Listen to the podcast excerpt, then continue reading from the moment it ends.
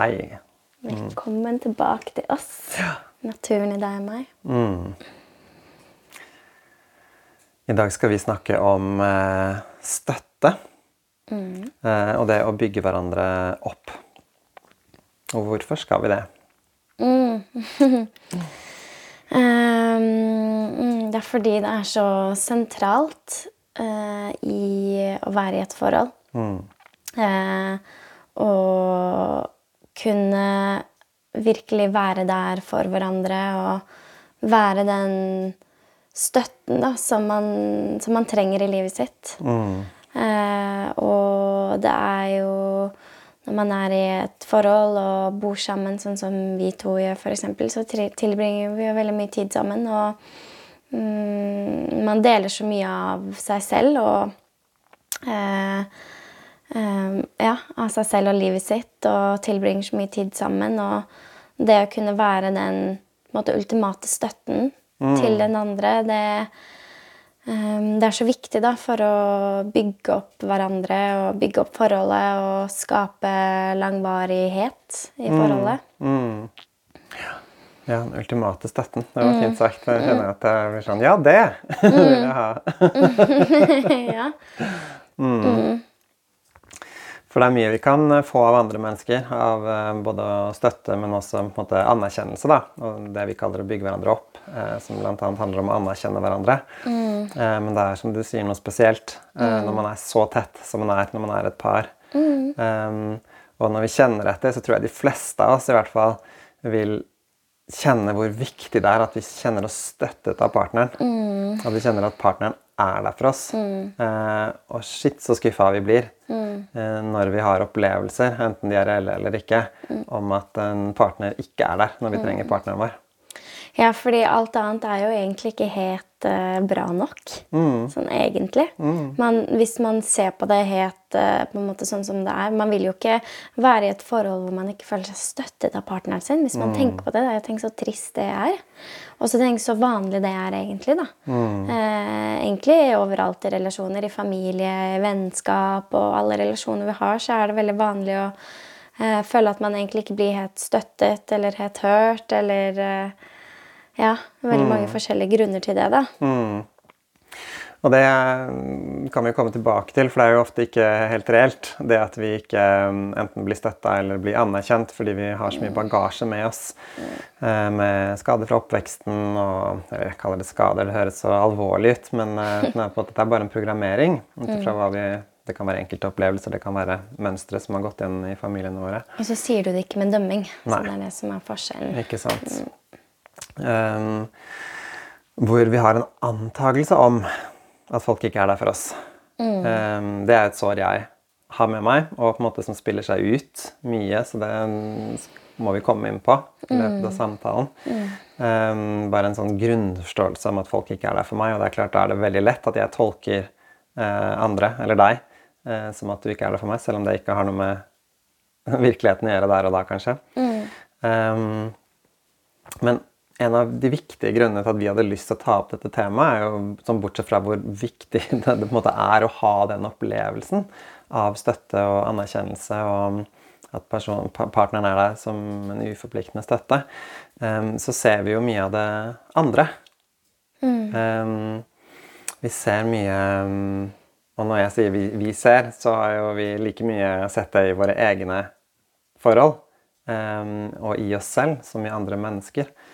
Um, så hvis jeg snakker for meg selv, hvor mye måte jeg har mm, kommet med um, kommentarer eller hatt en uh, atferd som um, ikke handler om å støtte. Hvis jeg skal være ærlig om det, når jeg ser tilbake på, på en del trekk jeg har levd ut mm, i tidligere forhold, så har det eh, hatt en funksjon av å underminere den andre. Ikke bevisst. Jeg har jo ikke sittet i min onde boble og bare mm, Hvordan kan jeg liksom gjøre livet kjipt for partneren min? Det er jo ikke det jeg snakker om. Eh, det jeg snakker om, er en smerte um, som gjør at vi oppfører oss um, på en måte overfor andre mennesker som er destruktivt. Det er egentlig selvdestruktivt, fordi at når jeg gjør det i et forhold, sånn som jeg når jeg ser tilbake på forhold tidligere i livet, så kan jeg se at jeg har vært med på å gjøre at det forholdet ikke fungerer. Eh, og det er jo veldig typisk, da, spesielt når man har vært sammen eh, lenge. Liksom, for å lage en liten sånn stereotyp, da, eller eh, ta deg til ytterpunktet. Når man blir skikkelig bitre sammen. Eh, og man på en måte kommer med sånne stikk, eh, men andre med sånne kjipe kommentarer. Eh, og, um, og av og til så setter jo sånne mønstre seg i et parforhold, slik at begge to egentlig bare er der for å de er, Vi er jo ikke der for òg, men vi, vi kan ikke noe for at vi har en atferd som egentlig gjør at hele forholdet føles ganske kjipt. Ehm, og at begge med hverandre oppleves det motsatte av støtte. Oppleves man å drive med destruktiv atferd og måte ikke vil den andre vel. da. Og det er ganske interessant hvordan Det her er jo ofte ubevisst, at man egentlig ikke er helt klar over eh, både hva man gjør, eller hvordan det føles å motta, eller hvordan det føles også å gjøre det. Eh, ellers så hadde man jo egentlig ikke gjort det, tror jeg, hvis man hadde vært helt bevisst over også følelsen av å Når man legger merke til at man gjør det selv. Eh, og det kan jeg si Jeg kan si det fordi jeg har lagt merke til hvordan jeg selv har også det trekket i meg. Som du sier, det er veldig menneskelig, og det kommer jo bare fra liksom, menneskelige sår og usikkerhet og mindreverdighet og mm, selvbeskyttelse hvis man tror at man må beskytte noe av seg selv. på en måte da. Mm, men hvis jeg, når jeg har gjort det, som er en sånn reaksjonsmønster. Når jeg legger merke til at jeg gjør det, får jeg et sånn avsmak av liksom, æsj, så ekkelt at jeg vil jo ikke gjøre det. Det, jo, det føles så stygt å liksom ha sånne kommentarer som skal stikke, som skal liksom eh, ja, stikke deg, liksom. Som skal prøve å jekke deg ned på en eller annen måte. Eller, det er jo kjipt. Ja, jekke ned. Eh, Det er en fin eh, beskrivelse, for det er jo det er jo det vi gjør når vi ta, vil, vil ta folk på noe. Hvis vi på en måte trår ut av måte, parforholdssamtalen, da, men bare sånn når vi vil jekke ned noen, så har vi en sånn indre opplevelse av at de på en måte er større enn de burde være. At de på en måte hever seg over på noe vis, eller er bedre enn. Og da må vi jekke dem ned. Og det er kanskje litt av den samme mm, mekanismen som skjer i parforhold. At vi må jekke den andre ned. Du må ikke tro at du er noe. Hvem faen tror du at du er, liksom? Og det er interessant hvordan det her bare handler om sin egen usikkerhet. Det bare handler om sin egen At man tror at man må beskytte noe. Eh, at jeg må beskytte mitt selvverd, på en måte. Uh, ved at du er her for å angripe noe i meg, sånn at jeg må på en måte Jeg må, ha, jeg må kontrollere det ved å jekke deg ned. Det er jo en sånn dynamikk som skjer i, i på en måte med en annen person hvor man tror at man, jeg tror at man må beskytte noe. Og tenk deg, og da Når man på en måte innser at man har det i, i dynamikken i parforholdet som man er i, da. Uh, og igjen ikke med noe dømming, for det her er jo, de fleste av oss har jo en, en grad av det her i oss. Eh, men, men tenk deg så trist at det er sånn i parforholdet. Eh, eller egentlig noen relasjoner, liksom. Det er jo, ikke, det er ikke bare med parforholdet. Men det er i at vi har det med nære relasjoner. At vi faktisk behandler oss selv og en annen på den måten. Det er veldig lite støttende. Både for oss selv og for den andre.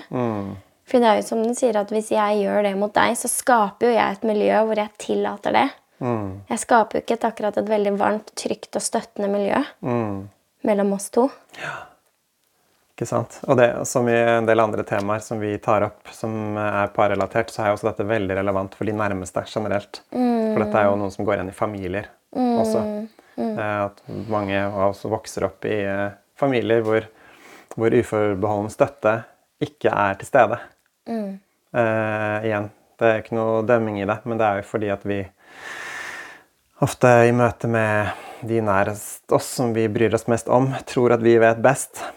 Eh, så når de sier eller gjør noe som ikke er innenfor den boksen, hvor vi da føler oss trygge, og at de barna våre f.eks. da eh, gjør livsvalg eller eh, er interessert i ting som vi tenker at vil føre noen vei, og gjøre at de får et bra liv, og så gjør de noe annet for sin egen del som vi ikke forstår, og som ikke er innenfor vår trygghetsboks, så begynner vi å underminere det.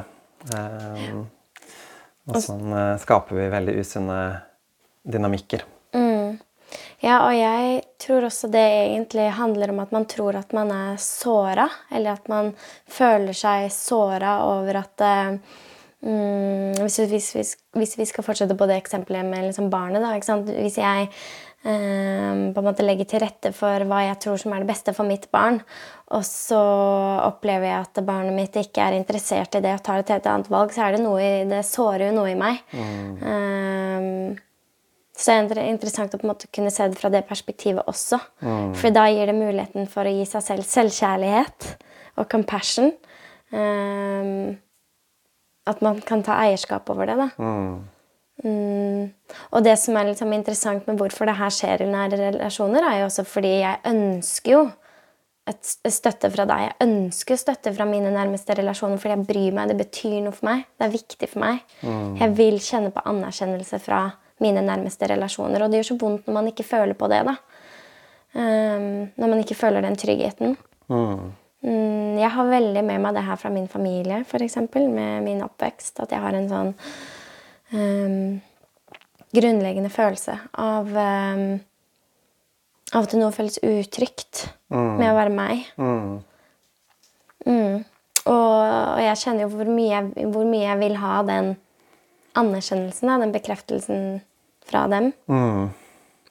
For det er et veldig reelt menneskelig behov. Et grunnleggende behov. Mm. Eh, en ting er trygghet, som vi hadde en egen episode om. Eh, som vi kommer tilbake til igjen og igjen og igjen, fordi det er så mm. fundamentalt. Mm.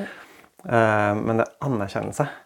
Å få anerkjennelse. Å få mm. bekreftelse på den man er. Mm. veldig mye av det vi prater om som på en måte er utfordrende i oss mennesker, på en måte kommer jo egentlig bare tilbake igjen dit. Um, og det er jo i dette temaet her òg. Og det er jo derfor det er så viktig å lage en dynamikk. Litt som vi snakket om hvordan skape en trygg dynamikk i et parforhold. Så er det også hvordan skape en trygg dynamikk innenfor Eller å gi og anerkjenne at det trengs anerkjennelse mm. og støtte. Um, for å kjenne på uh, både trygghet, men også den gode paropplevelsen, den gode teamfølelsen mm. som et parforhold kan være. Mm. Når, man finner, når, man finner, dit. Og det er så viktig å si at det er så Det er så riktig å mene at det er viktig, at det er nødvendig, mm. at det er sentralt. Fordi det er for oss mennesker, sosiale vesener, som evolusjonært har levd i gruppe, så er det tilhørighet. Mm. Som det det egentlig handler om, er jo tilhørighet. Mm. Så når jeg blir anerkjent, så føler jeg at jeg hører til. Og da er jeg trygg. Biologisk. Mm. Mm. mm. jeg er veldig glad. Jeg smiler av å høre deg prate om det. Fordi mm, når du snakker om det, så er det akkurat som jeg kan kjenne en, Det skaper en form for liksom, ja, trygghet da, mellom oss to. Tilhørighet. At vi har en At uh, miljøet mellom deg og meg er litt sånn trygt. Det er støttende. Det er en så mm. utrolig god følelse.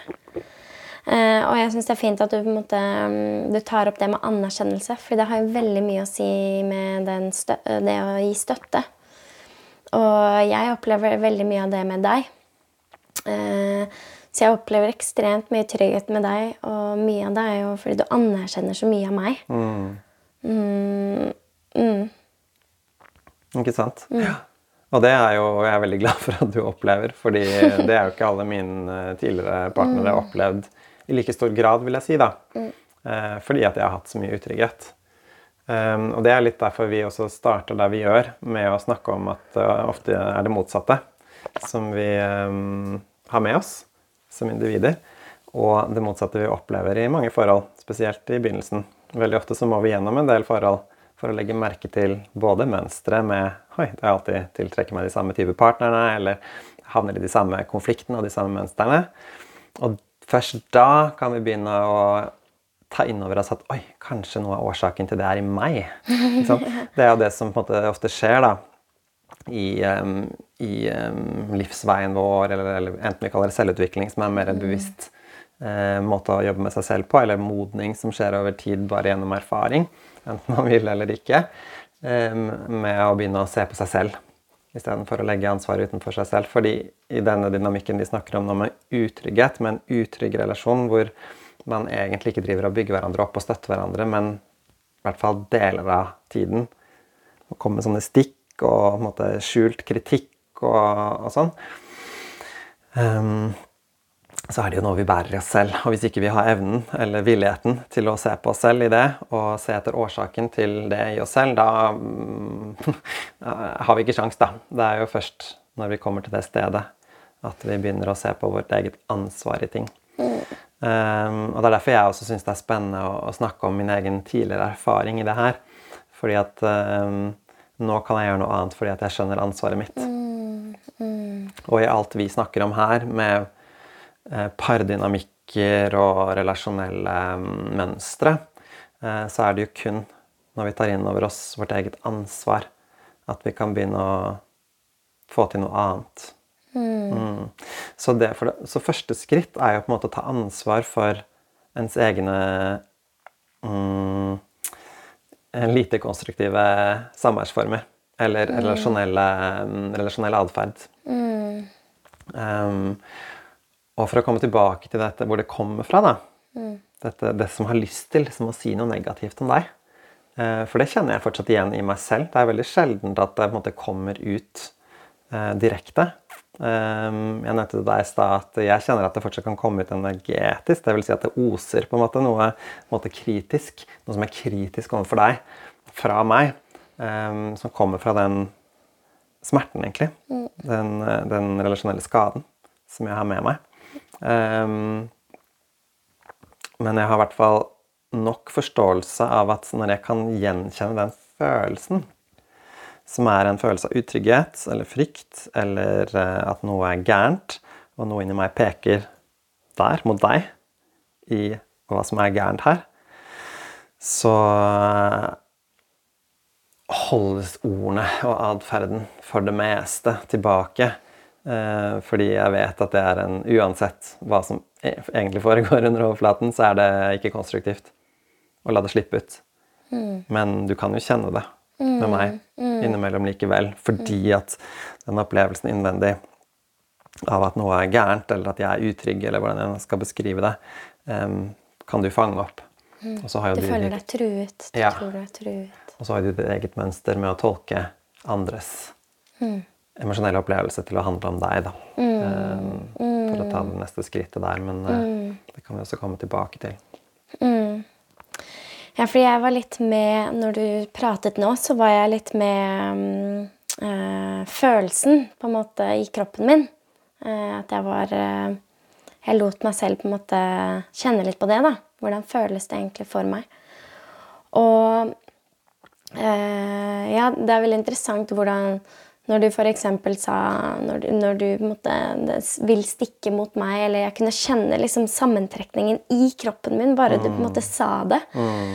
Uh, og det er interessant, for det jeg på en måte mm, skjønner da, eller forstår da, er jo at det er hvor utrolig utrygt uh, det er. Det er skikkelig utrygt uh, å ta imot den energien. Om man på en måte de fleste av oss vil jo eh, Fordi det her er en så vanlig omgangsform. Eh, omgås på den måten. Mm, det skjer jo overalt hele tiden. Liksom disse, hvordan man er utrygg og på en måte skal beskytte seg selv og si ting som ikke er så hyggelig. det er jo så normalisert, da. Mm. Eh, ellers hadde jo ikke vi sittet her og hatt disse samtalene. Um, så de fleste av oss vil jo da på en måte ikke anerkjenne engang at det eksisterer. Man er i mm. fornektelse for å overleve det, da. Mm. Men det å da, når jeg bare Som sagt, når du, når du satt og sa det der nå, jeg bare var i kroppen min og liksom lot meg selv bare være med den Hvordan føles det? Det er skikkelig, skikkelig utrygt. Det er som om kroppen min er liksom sånn Oi, her er det noe som ikke er trygt. Mm. Det, er noe som, det er noe her som ikke er trygt. Jeg må Dette føles ikke bra. Mm. Det er en, eh, altså, Kroppslig og for nervesystemet er det en skikkelig mm, påkjenning. Mm. Mm. Og det er interessant som du sier, ja, at eh, det For jeg, jeg tenkte også på når, når, jeg var med den følelsen, så tenkte jeg ja, for det er jo egentlig bare informasjon. Uh, sånn at hvis du hadde gått i den energien, da, så, og jeg hadde kjent på utrygghet, så kunne det gitt meg informasjon til Oi, kanskje det er Torstein utrygg nå. Eh, det, gir meg informasjon til noe av det som skjer i dynamikken, om det er meg eller deg eller i rommet, på en måte. da. Men det så, jeg har så lett for å ta det personlig. Jeg går med en gang og blir, blir liten og, tro, og tar det imot som om jeg fortjener det. Oh, huff. Det er fælt å si. ass. Jeg har så, det er sånn jeg kjenner det i hele liksom, kroppen min. Det blir sånn frysninger innenfra. Mm, ja. Som om du fortjener å bli behandla dårlig. Ja. Åh, åh, det jeg får nesten lyst til å gråte når jeg sier det, fordi uh, det er så um, det, er, det er så vondt å, å på en måte tro noe sånt. Fordi da Det som er så vondt, er at det, nå, nå var jeg med hvordan det føles i kroppen å ta det imot. Og så tror jeg at jeg fortjener å ta imot det. Det er jo å ta imot det føles ut som å ta imot vold. Og at jeg liksom bare Ja, men jeg, jeg fortjener det. Jeg skal ikke beskytte meg, eller det, jeg skal ikke si at det ikke er greit, fordi det er noe i meg som tror at jeg fortjener det. Mm. Det er um, ja, spesielt å si høyt. Mm, mm, jeg, har, jeg har hatt med meg det så mye i livet.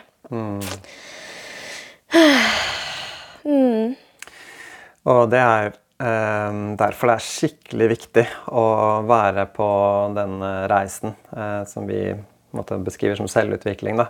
Fordi at å klare å skille mellom hva som er mitt, dvs. Si hva som er min bagasje, eh, som jeg har med meg fra fortiden min og spiller ut i parforholdet eh, og i relasjonene mine. Eh, fordi at min vanlige måte å forholde meg til indre smerte på, er jo å si det er din feil. Det er jo derfor det blir konflikter for eksempel, i parforholdet, fordi min smerte blir projisert på deg. Eh, men samtidig å lære å skille med hva som er ditt, og som ikke er mitt. For det var jo et fint eksempel det du sa, med at du føler at du eller, Noe av bagasjen din er at du fortjener å bli behandlet dårlig. Eh, og det er jo mm, Det er for så vidt ditt. Men hvis jeg behandler deg dårlig, og du internaliserer det som at du fortjener det, så klarer du heller ikke å ehm, forstå at det faktisk er noe jeg gjør som ikke er greit. Eh, og det krever grensesetting og tydelighet i kommunikasjon. Eh, grensesetting kan vi også kanskje ha en eh, episode om. Ehm, fordi at når eh, du kan forstå at det er mitt, så kan du også si vet du hva, det der eh, vil jeg ikke være med på. Det kan du bare drite i. eller, eller på en side på en mer diplomatisk måte, da. Ehm, men det er noe vi må. Og så lære oss å på en måte ikke la andre behandle oss dårlig. Mm, ikke finne oss i det. Det er også, for det er jo, du gjør jo meg en bjørntjeneste hvis du lar meg behandle deg dårlig. Ja. Um, ja, men nok om det. Men det er interessant å måte dykke ned dit også. Mm. For, å stå, for å så også forstå hvor viktig støtte er, da, og hva det liksom faktisk betyr. Ikke sant? Um, så eh, Dette med støtte Nå har vi vært innom måte, hvordan vi ikke støtter hverandre. Og det er, skjer enten vi vil eller ikke. Det må vi bare ta med oss, de aller fleste av oss. Enten det er fordi at vi kommer fra av smerte i oss selv, eller, eller blindhet. Helt nøytralt, men vi bare ser ikke hva som foregår i et annet menneske. Vi forstår ikke, spesielt når de er ulike oss, da, som ofte er i parforhold. Når vi har en partner som er ulik oss selv, eh, så forstår vi ikke hva den partneren trenger. Så selv om det ikke vi på en måte driver med underminering, så driver vi heller ikke med støtte. Eh, vi får jo bare får det ikke med oss at den andre personen trenger noe. Um, og det kan jo være så enkelt som at uh, um, partneren kommer hjem fra, på ettermiddagen fra jobb, eller hva det enn er, og så har han eller hun hatt en eller annen opplevelse som blir forsøkt, eller ikke kanskje forsøkt, kommunisert. Um, um, og så fanger ikke partneren opp at det trengs tilstedeværelse. At det trengs anerkjennelse, at det trengs støtte. Um, og det, der, det jo, der er det jo en, et veiskille, eh, som jeg på en måte uttrykte selv nå, i at enten så forsøker vi å si noe. Jeg sier 'forsøker' fordi jo, eh, resultatet her er at det feiler. Um, vi forsøker å fortelle om noe som har skjedd, kanskje, eller noe vi opplever, noe vi har stått i, noe som er her nå, som gjerne vil ha den andres støtte eller lytting eller anerkjennelse, eller det kan ta ulike former, men alt dette her er støtte. Når vi snakker om støtte, så kan det så er det bare at man føler at den andre personen er der for en. da. Um, og så begynner man å si noe, fortelle noe, og så hører ikke den andre det.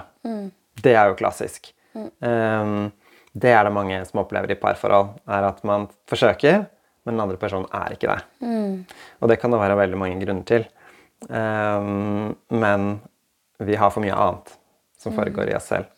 Så hvis partneren står og holder på med noe, eller det kan være som en, en, måte, en sånn derre um, eh, tradisjonell eh, arketype er jo mannen som sitter bak avisa eller nå til dags bak skjermen mm. og sier 'ja, ja, kjære', mm. eh, men hører ikke et ord av hva som blir sagt. Mm. Arketypisk så er det jo kvinner som opplever mye av dette. Mm. at mannen ikke er der. Men jeg vil jo påstå at det er like mye andre veien. Men det bare ser annerledes ut. Så man forsøker å si noe, men andre personen hører ikke etter. Enten personen prøver, eller later som, eller ikke gjør det engang. Mm. Får ikke med seg noe. Og der setter det seg et mønster med at hvis jeg, hvis jeg opplever dette, da, med at jeg har en partner som ikke hører hva jeg sier, så skal det ingenting til før det blir bekrefta. Mm. Så jeg begynner å fortelle noe. Dette her har jo jeg med meg fra jeg var liten, som bagasje. Også, som blir trigga med deg. At jeg liksom tror at jeg får et bevis på at du ikke får med deg, eller mm. forstår. Det er jo sånn det oppleves innvendig. Hva jeg sier. Og så gir jeg opp. Mm. Fordi jeg får bekrefta at du ikke er der for meg. Mm. Eh, så um, da gir jeg opp. Men det som er litt spennende med det mønsteret der, da, som også jeg bærer, er at siden beviset allerede er der, eller når man har vært sammen en stund, så prøver man ikke engang. Mm, ja, Fordi at jeg vet at den andre personen vet i anførselstegn, mm. at den andre personen ikke er der for meg uansett. Så hva er mm. vitsen? Mm. Ja, hva er, er, vitsen? Å komme, komme, til det punktet, hva er vitsen? Mm. Det er ensomt, altså. Mm. Og da kan det jo skje veldig lite, for da gir vi ikke engang den andre personen en mulighet. Vi har allerede parkert partneren vår i kategorien at han eller hun er ikke der for meg, vil ikke høre på meg, ikke, er ikke interessert. Ja. Og da begynner det å bli tungt mm. å jobbe med å få til noe annet, altså. Mm. For da er vi jo Det er sånn vårt menneskesinn fungerer, at vi lager, oss, lager beviser i oss selv, og så er vi overbevist. Og så tror vi at noe er sånn, selv, selv om det er veldig sjelden det egentlig er sånn. Mm. Um, men vi, når vi ikke engang gir mennesker en sjanse, da um, Det er da å rette fingeren mot seg selv, altså. Mm. Mm. Ja, det er skikkelig ensomt. Mm. Det er da man uh, blir på sin egen øy, som man sier. På engelsk? Å ja. Ja, jeg sa det på norsk, så var det noe føltes rart med det. Each man his own island, ja. eller et eller annet mm. Mm. Mm. At vi er liksom sammen, men vi lever på hver vår øy. Ja, det, For det er jo resultatet her, når vi opplever manglende støtte, reelt eller ei, i parforholdet vårt, er jo at vi blir alene i parforholdet. Og det er uh, smertefullt mm. og fører til mye bitterhet mm. over tid. En sånn opplevelse av å være alene. For man skal jo ikke være alene mm. når man er i et parforhold. Det, bare, det strider mot all kjærlighet. Alt som kjennes bra. Mm. Og når, i hvert fall når jeg tilbake i tid har nådd det punktet i parforhold hvor jeg liksom har en opplevelse av Faen, jeg er jo alene. Jeg mm. føler meg alene. Mm. Og jeg vet jo pga. bagasjen at det ikke var sant sånn fullstendig. Men uh, da, da, har det begynt å mm. bikke raskt mm. mot å ikke fungere lenger og gå mot avslutning. Ja, det er interessant hvordan øh, øh, Jeg bare tenker på, på måte, den reisen av å være i et forhold. Mm, man møtes, og mm, man er forelska, mest sannsynlig, og har veldig mye håp. Eh, åpenhet og naivitet.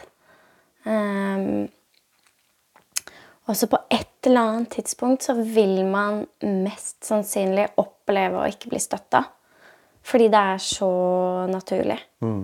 Eh, som du sier, at jeg kan stå på kjøkkenet og eh, lage mat, og så kan du komme inn og fortelle meg noe, og så bare er jeg helt inni det jeg driver med, at jeg bare klarer ikke å helt å koble meg på det du sier. Og så hadde du et håp om å bli hørt når du kom inn på kjøkkenet og skulle fortelle meg, eller Så er det så interessant hvordan liksom jeg føler så fort vi har den ene opplevelsen av å liksom ikke bli støtta, så er det så utrolig lett for at den på en måte Uh, den beviser et sånt fundamentalt liksom, sår da, som vi har i oss, som er at uh, vi tror vi er alene. At det er ingen her som er der for å støtte oss. Mm. Som jeg tror ligger i de fleste mennesker og uttrykker seg på forskjellige måter. da. Og så leter man, som du sier, man leter etter disse mønstrene. Hvordan det liksom Hvordan du igjen og igjen, eller jeg, da, skal igjen og igjen og igjen bevise for deg at jeg egentlig ikke er her for å støtte deg, at jeg ikke helt hører deg, eller Og da er det så utrolig lett at den avstanden bare vokser og vokser og vokser. Og vokser og vokser. Og det er jo det man ser i så utrolig mange forhold. Og det er jo utrolig mange forhold som ender i hvis man er gift, ender i skilsmisse, eller at det ikke varer. Um, mm, så det er, det er, veldig interessant hvordan Og, og i, i, det, da, som du sier, hvor, hvor, viktig det er å tillate seg selv og tillate den andre personen en ny sjanse. Mm. Um, og det handler også om at man må være villig til å liksom kjempe. Og at man ikke tror på den skuffelsen. At liksom man, kan, man, kan, kjenne på skuffelse og være med følelsen av skuffelse. Fordi den eh, kommer nok, handler ikke bare om dette øyeblikket, den kommer nok langt tilbake i tid når du første gang som liten opplevde deg skuffa. Mm. Eh, følelser har jo alltid en, for, en forankring i noe noe liksom fra barndommen når vi første gang opplevde det. Mm. Det er jo derfor ofte følelser blir så store, fordi de, de, det jeg kjenner på her og nå, trigger noe fra barndommen. Så det liksom er mm. et spenn av liksom tid da, med, mm. med følelser, på en måte. Mm. Men um, um, Ja, så man må være um, villig til å, til å kjempe. Jo, det, det, jeg sa med den skuffelsen, av liksom, å kjenne på skuffelsen. At ja, den er her. Men å ikke tro på den. Mm. På en måte, Å ikke tro at Å, ja, jeg er, jeg er, jeg er et offer, da. Mm. uh, og jeg har, kan ikke gjøre noe, eller ja, stakkars meg, eller å nei. Men å på en måte tillate seg selv å kjempe for at uh, ok, ja, nå kjente jeg på skuffelse, men jeg må være villig til å enten prate om det eller å kjempe, kjempe for det. Mm. Hvordan det vil se ut for uh, for, for en selv. Ja, ja for det vi, det vi, eh, Når vi kan si projisering, da, mm. eh, som er fra engelsk 'projecting', som er å på en måte plassere ansvaret for egen opplevelse utenfor seg selv mm. eh, Det som skjer, er at jeg føler på skuffelse. Mm. Og så tenker jeg 'du har skuffet meg'. Mm. Det er jo sånn det skjer. Mm. Eh, og når du blir ansvarlig for min skuffelse, da er du skuffende. Og da kommer du til å fortsette å skuffe meg. Mm. Uh, heller enn at jeg legger merke til at jeg har en gjentagende opplevelse av å bli skuffet. Mm. Og på en måte starte der med å både mm, se på årsakene til at jeg bærer skuffelse med meg, og på en måte kommer igjen og igjen i livet mitt. Um, og hva det er som trigger det. Mm. For det er jo å klare å vende kommunikasjonen til noe konstruktivt. Mm. Så sånn som vi, da, når vi snakker om disse sårene i oss selv og denne bagasjen vi har med oss, enten det er skuffelse eller en opplevelse av ikke bli sett og hørt og anerkjent og forstått Forstått er på en måte det som best uttrykker mitt sår, f.eks. Mm. Um, så klare, Hvis samtalen da blir konstruktiv, så er det fordi at vi snakker om det. Og da kan jeg fortelle deg om huh, når det her skjer, da bare blomstrer virkelighetsopplevelsen min av at jeg blir eh, forlatt eller um, ikke sett, ikke støtta, um, ikke hørt. Og da pff, kommer det sekundære følelser, sinne f.eks., sorg osv. Eh, og så spiller det seg ut. Og da kan jeg fortelle om det som min opplevelse heller enn å gi deg skylda. For det er klart, hvis med en gang jeg blir anklagende og bare Faen, du er så jævlig skuffende, ass. Jeg blir så skuffa av deg igjen og igjen og igjen. Du gjør ikke sånn, du er ikke der for meg, du Bla, bla, bla. Bare øser alt over på deg. Og det er klart at som mottaker av det um, Hvis vi vender tilbake til konstruktiv samtale etterpå med 'Unnskyld at jeg holdt på med det. Liksom, det var bare smerten som kom ut. Mm. Um, håper du kan tilgi meg mm. uh, for det som egentlig foregikk, var. Og så får vi reparert det. Men det er klart at hvor dette her, og det er jo også en typisk forholdsdynamikk hvor en eller begge partnere klager på den andre. Og apropos mm. dette temaet med, med, støtte. Klaging er det motsatte. Å klage på den andre. Mm. Det er også et personlighetstrekk som mange, mange, av oss har. som er å på en måte hele tiden snakke om ting som vi ikke liker, ting som er feil, ting som ikke burde vært annerledes. Har vi det med oss, så gjør vi også det om mennesker. Og før eller siden så skjer det også med partneren vår. Og det er å bygge ned. Dette her er jo også veldig typisk Dette gjelder begge kjønn, men dette er veldig typisk en mannlig opplevelse av å ha en kvinne som man tror at bare er misfornøyd. Og den mannlige responsen er jo å trekke seg unna og bli utilgjengelig. Og da hører man jo ikke kvinnen, så hun føler seg jo enda mindre støtta og enda mindre anerkjent og klager mer. Dette er jo et, et av eksemplene på hvordan sånne ting begynner å gå i sirkel. Og begge egentlig bare føler seg ikke sett og anerkjent og satt, satt pris på, da. Så kanskje vi skal nå på en måte vende samtalen til å prate om hvordan kan vi, hvordan kan vi støtte hverandre. Ja. Hvordan kan vi føle oss satt, satt pris på? For det er jo det. Eh, Når, når det, jeg føler at du støtter meg, eller ser meg, eller anerkjenner meg, eller hører meg, så føler jeg meg satt pris på. Jeg føler kjærlighet. Jeg føler at noen liker meg, jeg føler at du liker meg. Det er, en, det er sånn jeg kan gjenkjenne det motsatte. fordi nå har vi brukt mye tid på å snakke om det negative, men det er viktig. Fordi at det er så allment. Eh, og det kan hjelpe oss å identifisere nå er jeg ikke der. Vi må også klare å identifisere nå er jeg der. For hva, hvordan oppleves det for meg? Um, eller jeg kan stille det som et spørsmål til deg nå. Hvordan oppleves det for deg, da? Um, hvordan opplever du støtte fra meg? Hvordan oppleves det for deg når jeg støtter deg, eller anerkjenner deg, eller ser deg, eller hører deg? Litt sånn gisjen, som mamma pleier å si. um, mm. Ja, det, det første som jeg på en måte dukket opp i hodet mitt når du stilte meg det spørsmålet, er at, mm, du, at eh, du ikke eh, Det du ikke gjør, er å på en måte holde meg nede på en eller annen måte. At det er sånn åh, nei, det der eh, Nei til det. Du sier noen du, At jeg opplever et nei til meg.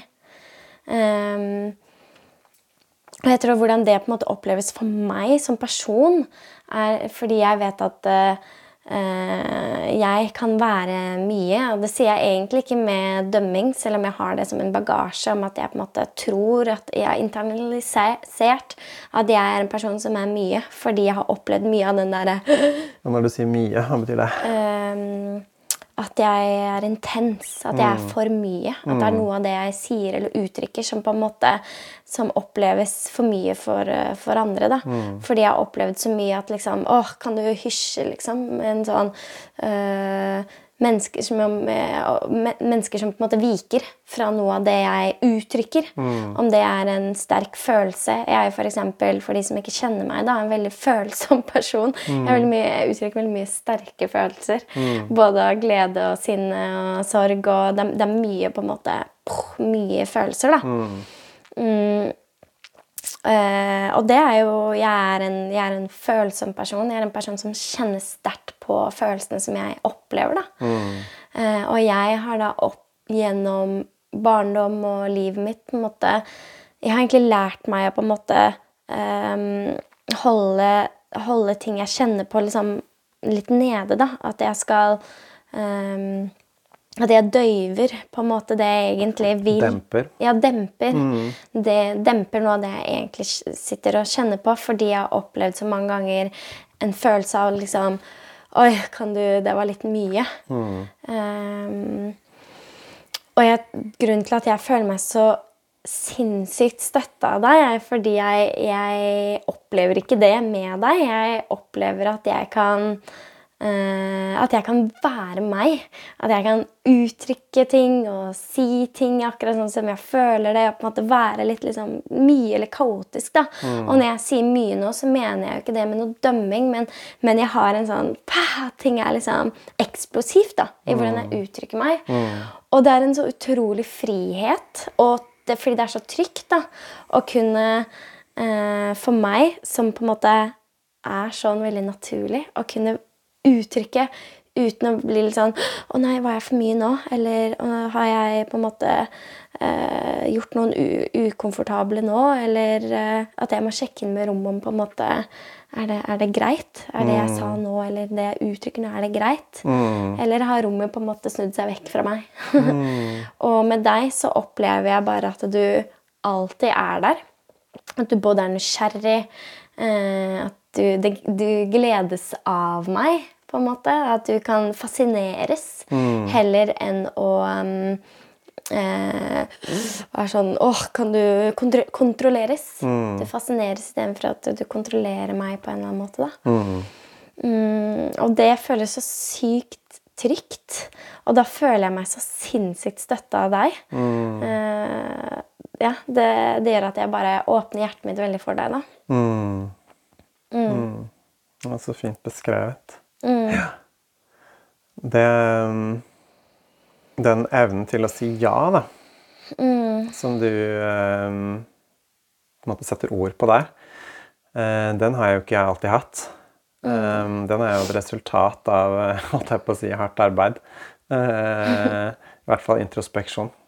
Um, fordi at når jeg Det skjer heldigvis sjeldent nå, men det behovet for å si nei, det er jo fordi at jeg tror at jeg er trua.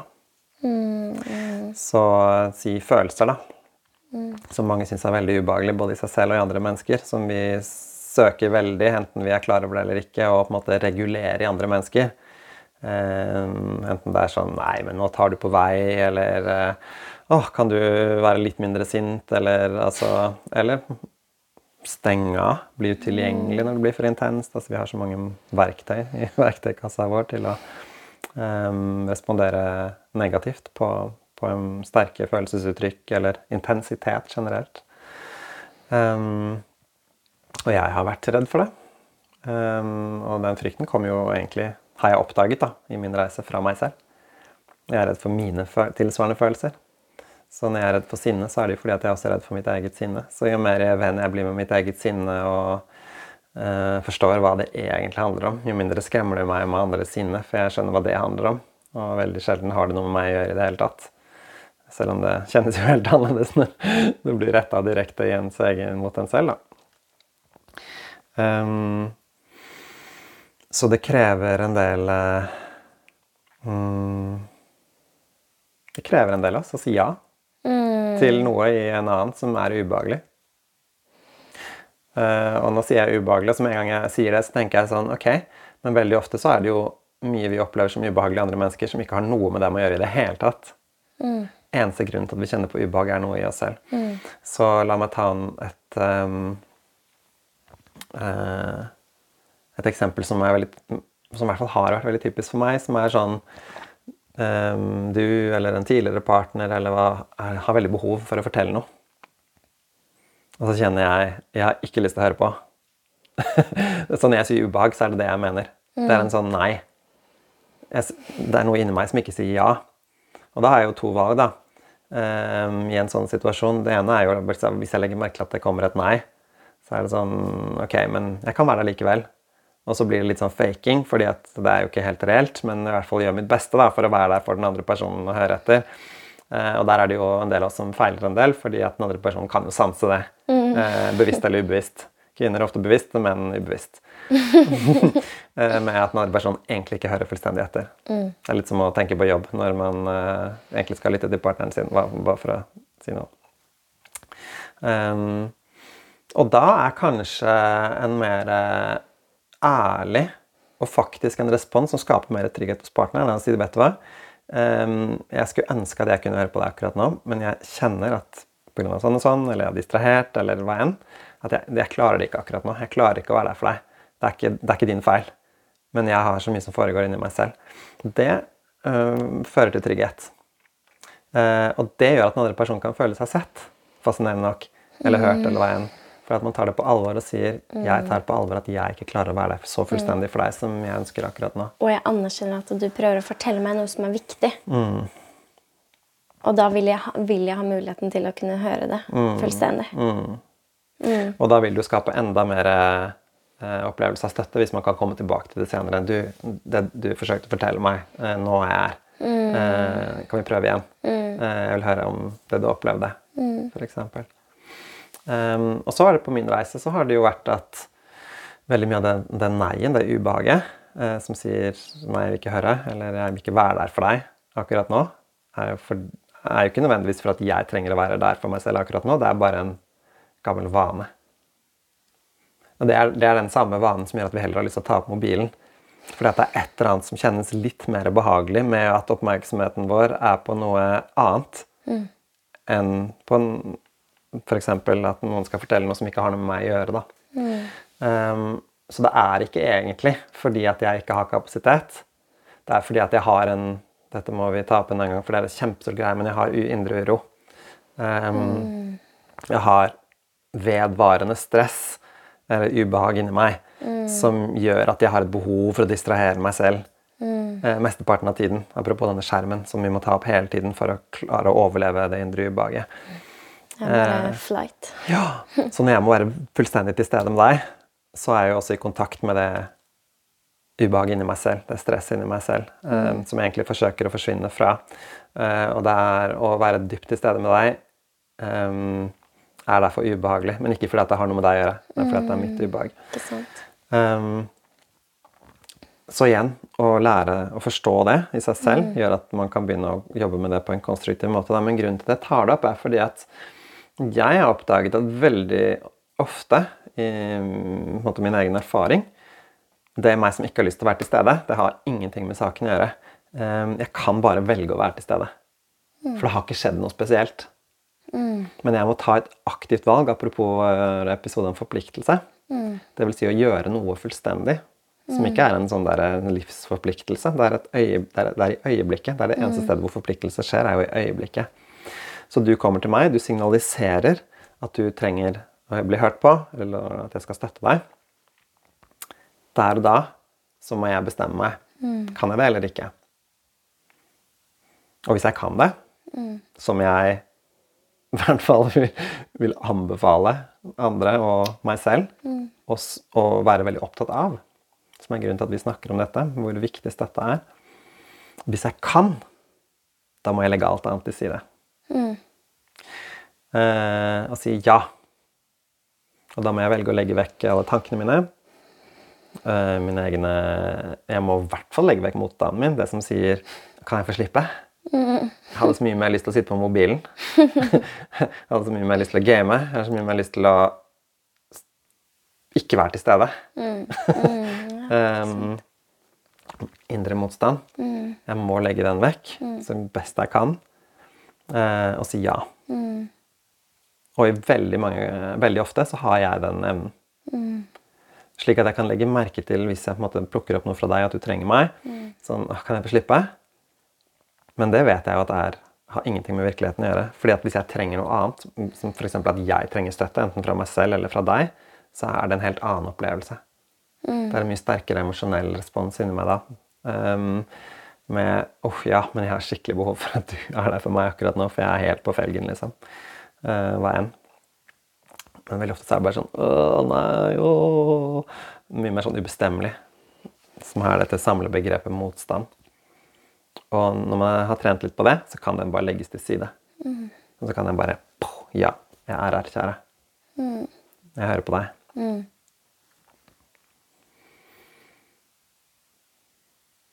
Og det må trenes opp, faktisk. For de fleste av oss. Fordi at hjernen er så urolig. Og det handler jo bare om i hvor stor grad man klarer å være der for seg selv og sine egne følelser. Mm, godt sagt. For det er jo ba, det er bare en refleksjon av det samme. Mm, hvor i stor grad man klarer å være til stede med sterke Altså med følelser, eller det som skjer av ja, følelser, da. Mm. Jeg kjenner jeg er skikkelig Jeg er skikkelig mm, rørt og av denne samtalen her. Fordi eh, som du vet, så hadde jeg liksom nylig en eh, veldig sterk opplevelse med familien min hvor det akkurat det vi prater om, ble trigga.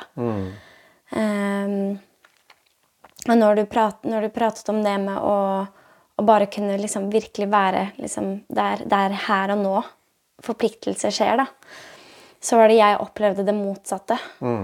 Eh, og jeg kjenner når jeg prater om det, hvor eh, jeg, jeg blir veldig rørt. Fordi det var, det var så utrolig vondt å oppleve det. Hvor mye jeg eh, ønsket og trengte at de personene i familien min kunne møte meg i det øyeblikket. Eh, og så klarte de det ikke. Eh, det var både masse motstand, og de fysisk på en måte gikk fra rommet. Eh, hvor vondt det er, da. Mm. Det er i her og nå i øyeblikket man trenger det, den forpliktelsen, det oppmøtet, da. Den støtten. Og det um, enkleste måten for meg å legge merke til Det er i hvert fall sånn jeg har på en måte lært meg å navigere det inni meg selv og på en måte bli, blitt bedre og bedre på å være, være støttende. Eh, det er å kjenne etter at jeg er i et ja til situasjonen. Og til deg som partneren min, eller til andre mennesker. At jeg sier ja til det som foregår. Selv om det sier nei innvendig. Fordi at hvis du har en emosjonell respons som gjør at jeg kjenner frykt, la oss si f.eks. sinne, da, som vi veldig ofte kjenner frykt i forhold til, så sier de jo nei emosjonelt. Hva skjer her nå? Hjelp, jeg blir redd og sånn. Ehm, men jeg kan si ja likevel. Det krever en del trening, da. Ehm, men, men da gjør vi en stor forskjell for omgivelsene våre og for partneren vår når vi klarer å si ja til det som er ubehagelig i oss selv. Mm. Og da begynner vi å snakke om virkelig støtte, da. Eh, For da, går det an, da, da øker evnen vår til å stå i konflikt. Til å stå i friksjon, til å stå i vanskelige situasjoner, spesielt i parforholdet. uh, uten å delta uh, mer enn nødvendig i mekanismer som gjør den situasjonen destruktiv eller en konstruktiv. Fordi all konflikt har jo muligheter for noe konstruktivt. Jeg tror vi skal ha en serie med temaer om konflikt. Ulike typer konflikt og hvordan håndtere det.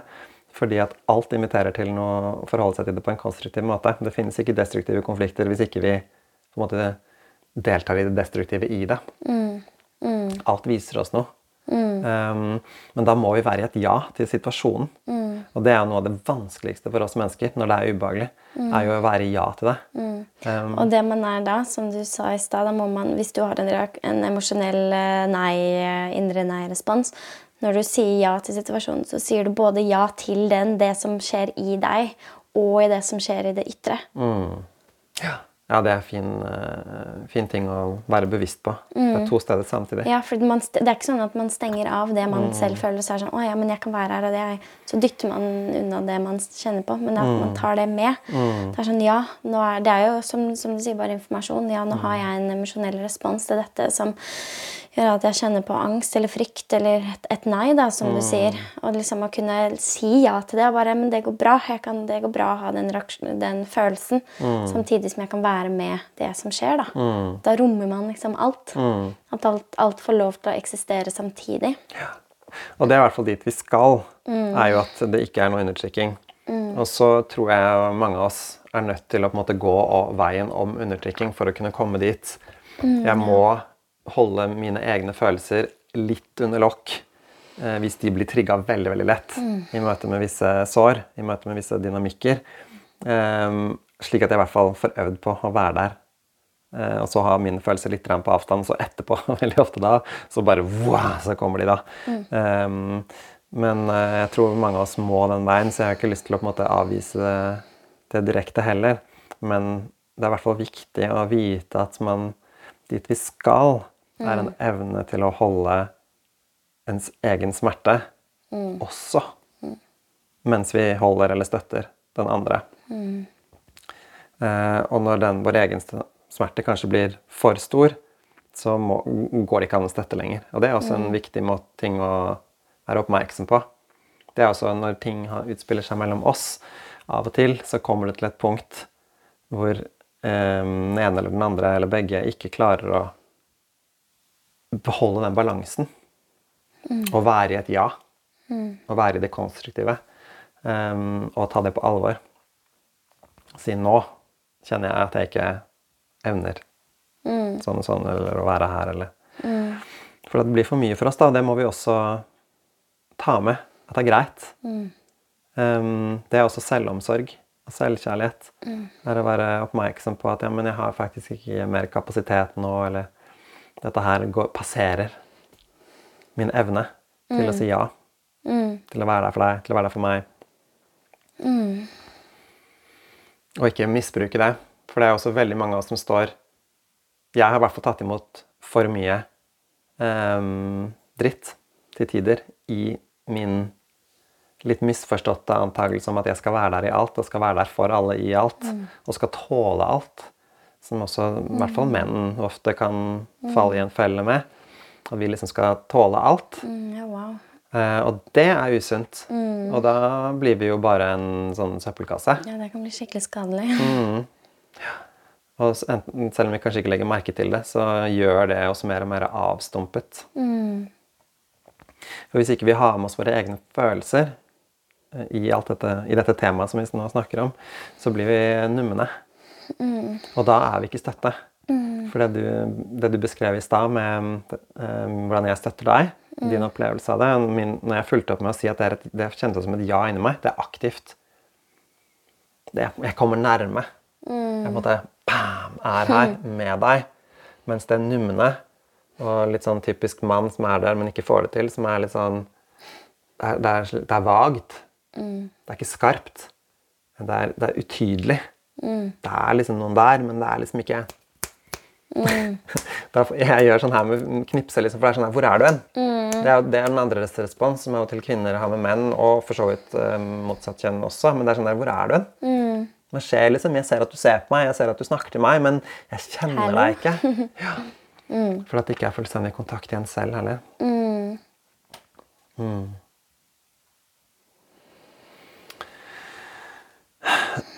Så vi har snakket om støtte eh, i det å liksom lytte. Men dette temaet også med å bygge opp. Mm, ja. Um, fordi støtte er når du trenger noe. Eller når jeg trenger noe av deg, eller av noen. Mm, at vi har en partner som vi i hvert fall mesteparten av tiden kan stole på at når det gjelder, er der. Um, at når jeg sier ifra, når jeg ber om noe, når jeg sier du, jeg trenger at du tar dette her på alvor, bam, så møter den andre personen opp. Hører alvoret, hører at det er viktig. Um, det er et behov. Den andre personen gjør så godt den kan da eller senere til å ta den rollen. Men så er det å bygge hverandre opp, da. Som er en skikkelig vakker, uh, vakker ting. Og jeg, og jeg tenker, bare for å gi en inngangsport til hva det handler om, det er det vi gjør med barn. For at de skal få tro på seg selv. For at de skal tro at de er verdifulle, eh, og tro at de kan få til noe. At de har noe her i verden å gjøre. Mm, har noe å bidra med. Det er det det betyr når vi sier å bygge opp. Mm. Og enten vi liker det eller ikke, vi voksne har like stort behov for det som barn. Med mindre vi har hatt en perfekt oppvekst hvor det har blitt så programmert inn i oss at ikke vi trenger noe anerkjennelse utenfra. Og det gjelder ikke mange. Og det er det motsatte av å underminere, som vi startet samtalen med. Som er å skulle jekke ned. For jeg tror at du kan ikke bli noe større. Eller for at jeg skal holde meg selv hodet over vann, så må jeg jekke deg ned. Det her er å ikke være truet av, av, eh, av din vekst. Ja, det var fint sagt. Ja. For det å bygge opp, det er jo å fremheve, fremheve eller også heve opp. Eh, og det er jo noe blitt bedre. Eh, større, høyere, hva enn. Sterkere. Og hvis jeg tror at jeg på noe vis er underlegen, underdanig, mindre enn osv., så, videre, så er jo det at noe fremheves, er jo en trussel. Mm, ikke sant? Så det er veldig vanskelig å få til når vi har mye selvdestruktiv eh, atferd og litt utrygghet i oss selv. Mm. Åh, og det er så stor misforståelse. Fordi det som er dine styrker, vil jo ikke true meg. Mm, det er en veldig stor misforståelse at det har noe med meg å gjøre. Og likevel så skjer det så mye, da. Ja.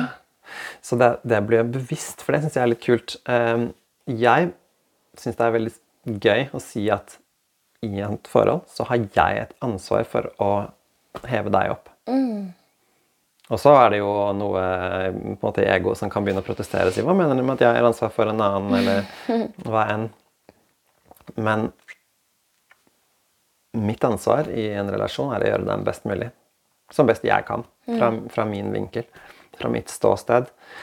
Og løfte deg fram og fremheve fine ting i deg. Eh, Det er noe av det enkleste jeg kan gjøre. Um, og så har vi ulike måter å gjøre det på. Men uh, mellom oss, f.eks., vi, er- det- vi gjør det veldig naturlig fordi vi er kommet dit vi har kommet på vår individuelle vei. Da. Så har det skjedd veldig naturlig fra tidligere i vår relasjon. Men det er jo å påpeke hver gang vi ser noe vi liker. Ja, det er sant. Det er jeg skikkelig flink på. Hver gang eh, du ser noe i meg som du setter pris på, eller tenker at 'oi, nå fikk du til noe', eller eh, 'så bra det funka', eller Så si, setter du ord på det. Um, Eller bare en egenskap som er skikkelig en, en vakker egenskap. Som kommer frem i når du gjør noe, f.eks. Eller og si takk. Ja. Takk for at du vasket opp. Takk for at du satte på klesvasken, hang opp klesvasken. Takk for at du vaska. Um, takk for at du tenkte på det som jeg sa til deg, og at du husket på det og fulgte det opp. Takk for at du dro innom butikken. Altså det, sånne banale ting som av og til ego kan begynne å protestere med. Hvorfor skal man si takk for noe som er selvsagt? Nei, det, det kan du si, men det, har, det er jo ikke selvsagt.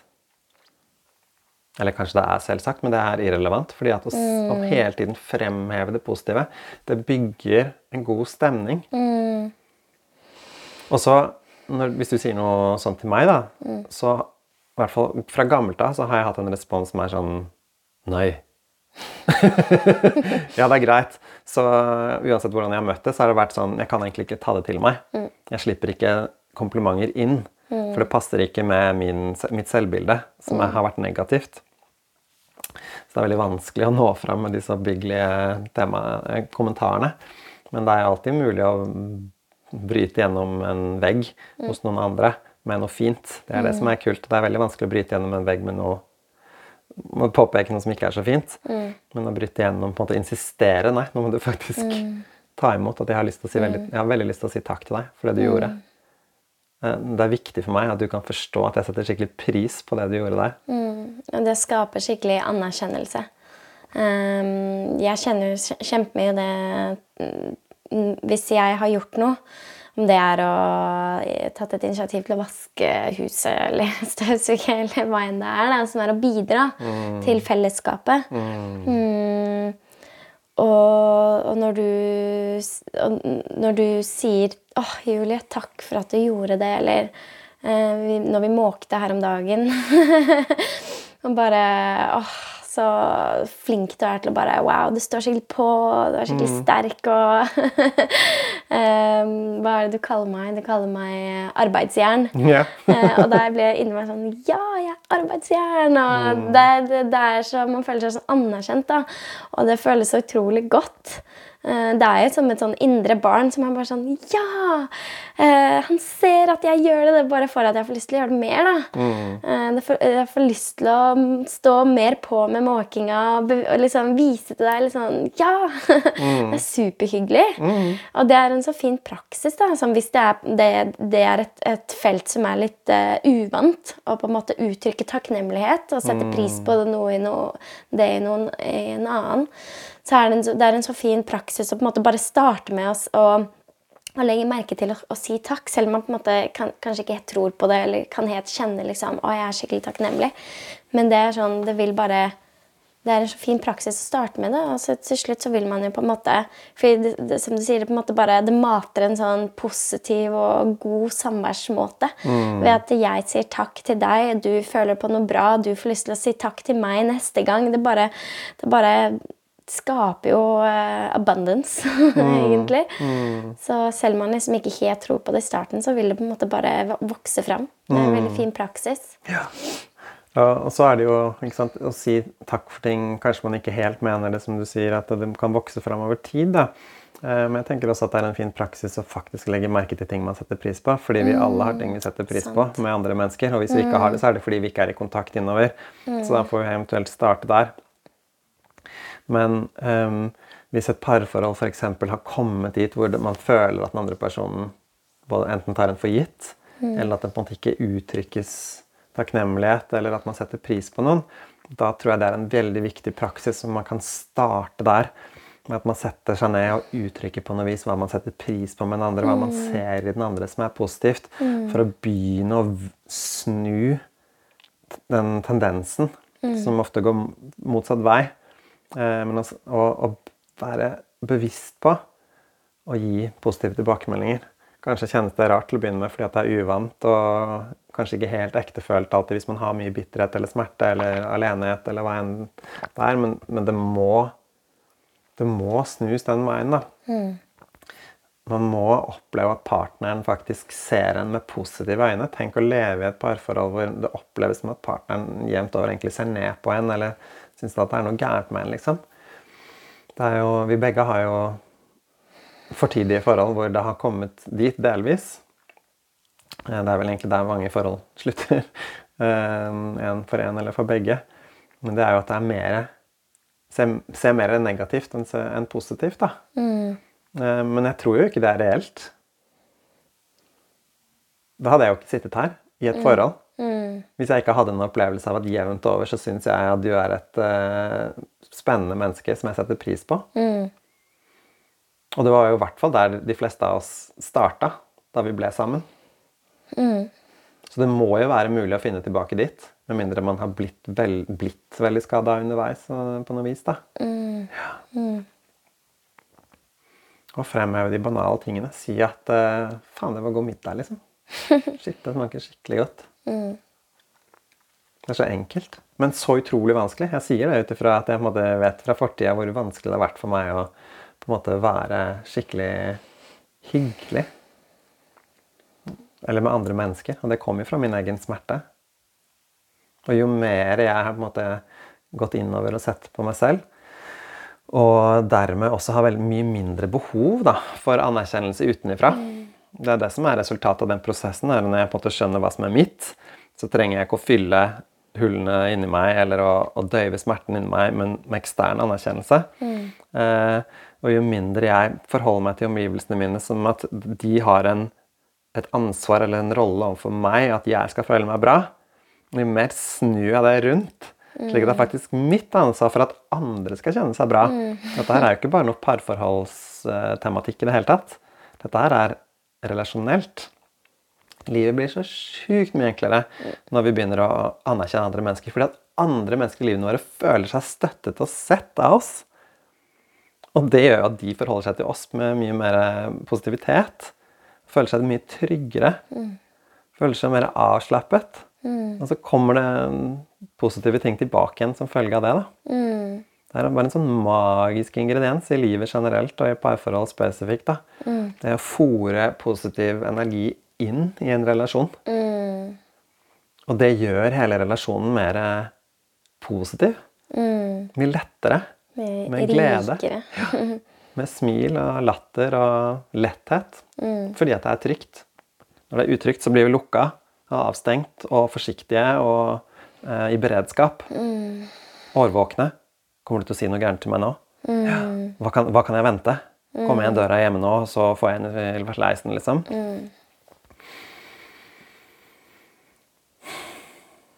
Hei, kjære, så fin du ser ut i dag, liksom.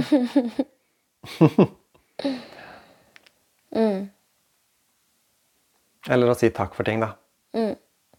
Fordi vi gjør jo ting hele tiden. Det er det som tenker at mye av det fine perspektivet du nevnte det i stad, dette med å liksom være et lag. Mm. man lever sammen, f.eks., enten man er en familie eller er bare to personer, eller hva enn konstellasjon. Man er jo et lag, et team.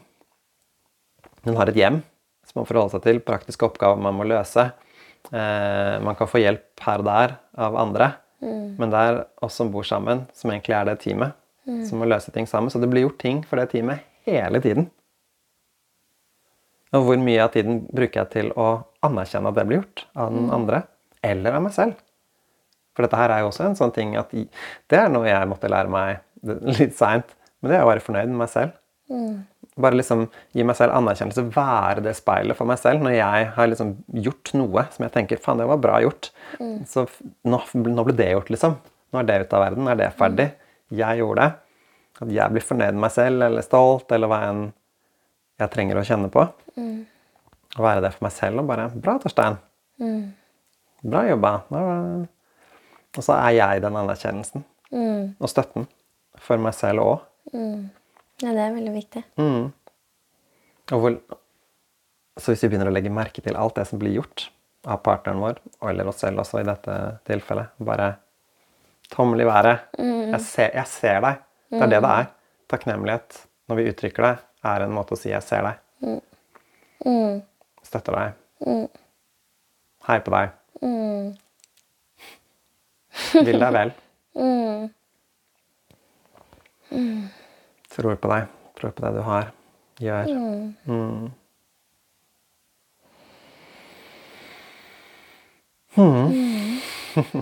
Mm, det er et fint tema. Fint samtale. Ja. Kommer helt sikkert tilbake til dette her eh, senere temaer også. Så tror jeg vi er litt på overtid i forhold til vår planlagte time. Så jeg tenker vi skal uh, gi oss der. Ja, takk for en eh, skikkelig fin, og sårbar og viktig samtale. Mm. Ja. ja. Takk, Julie. Og takk for i dag til alle som ser og hører på. Takk for i dag.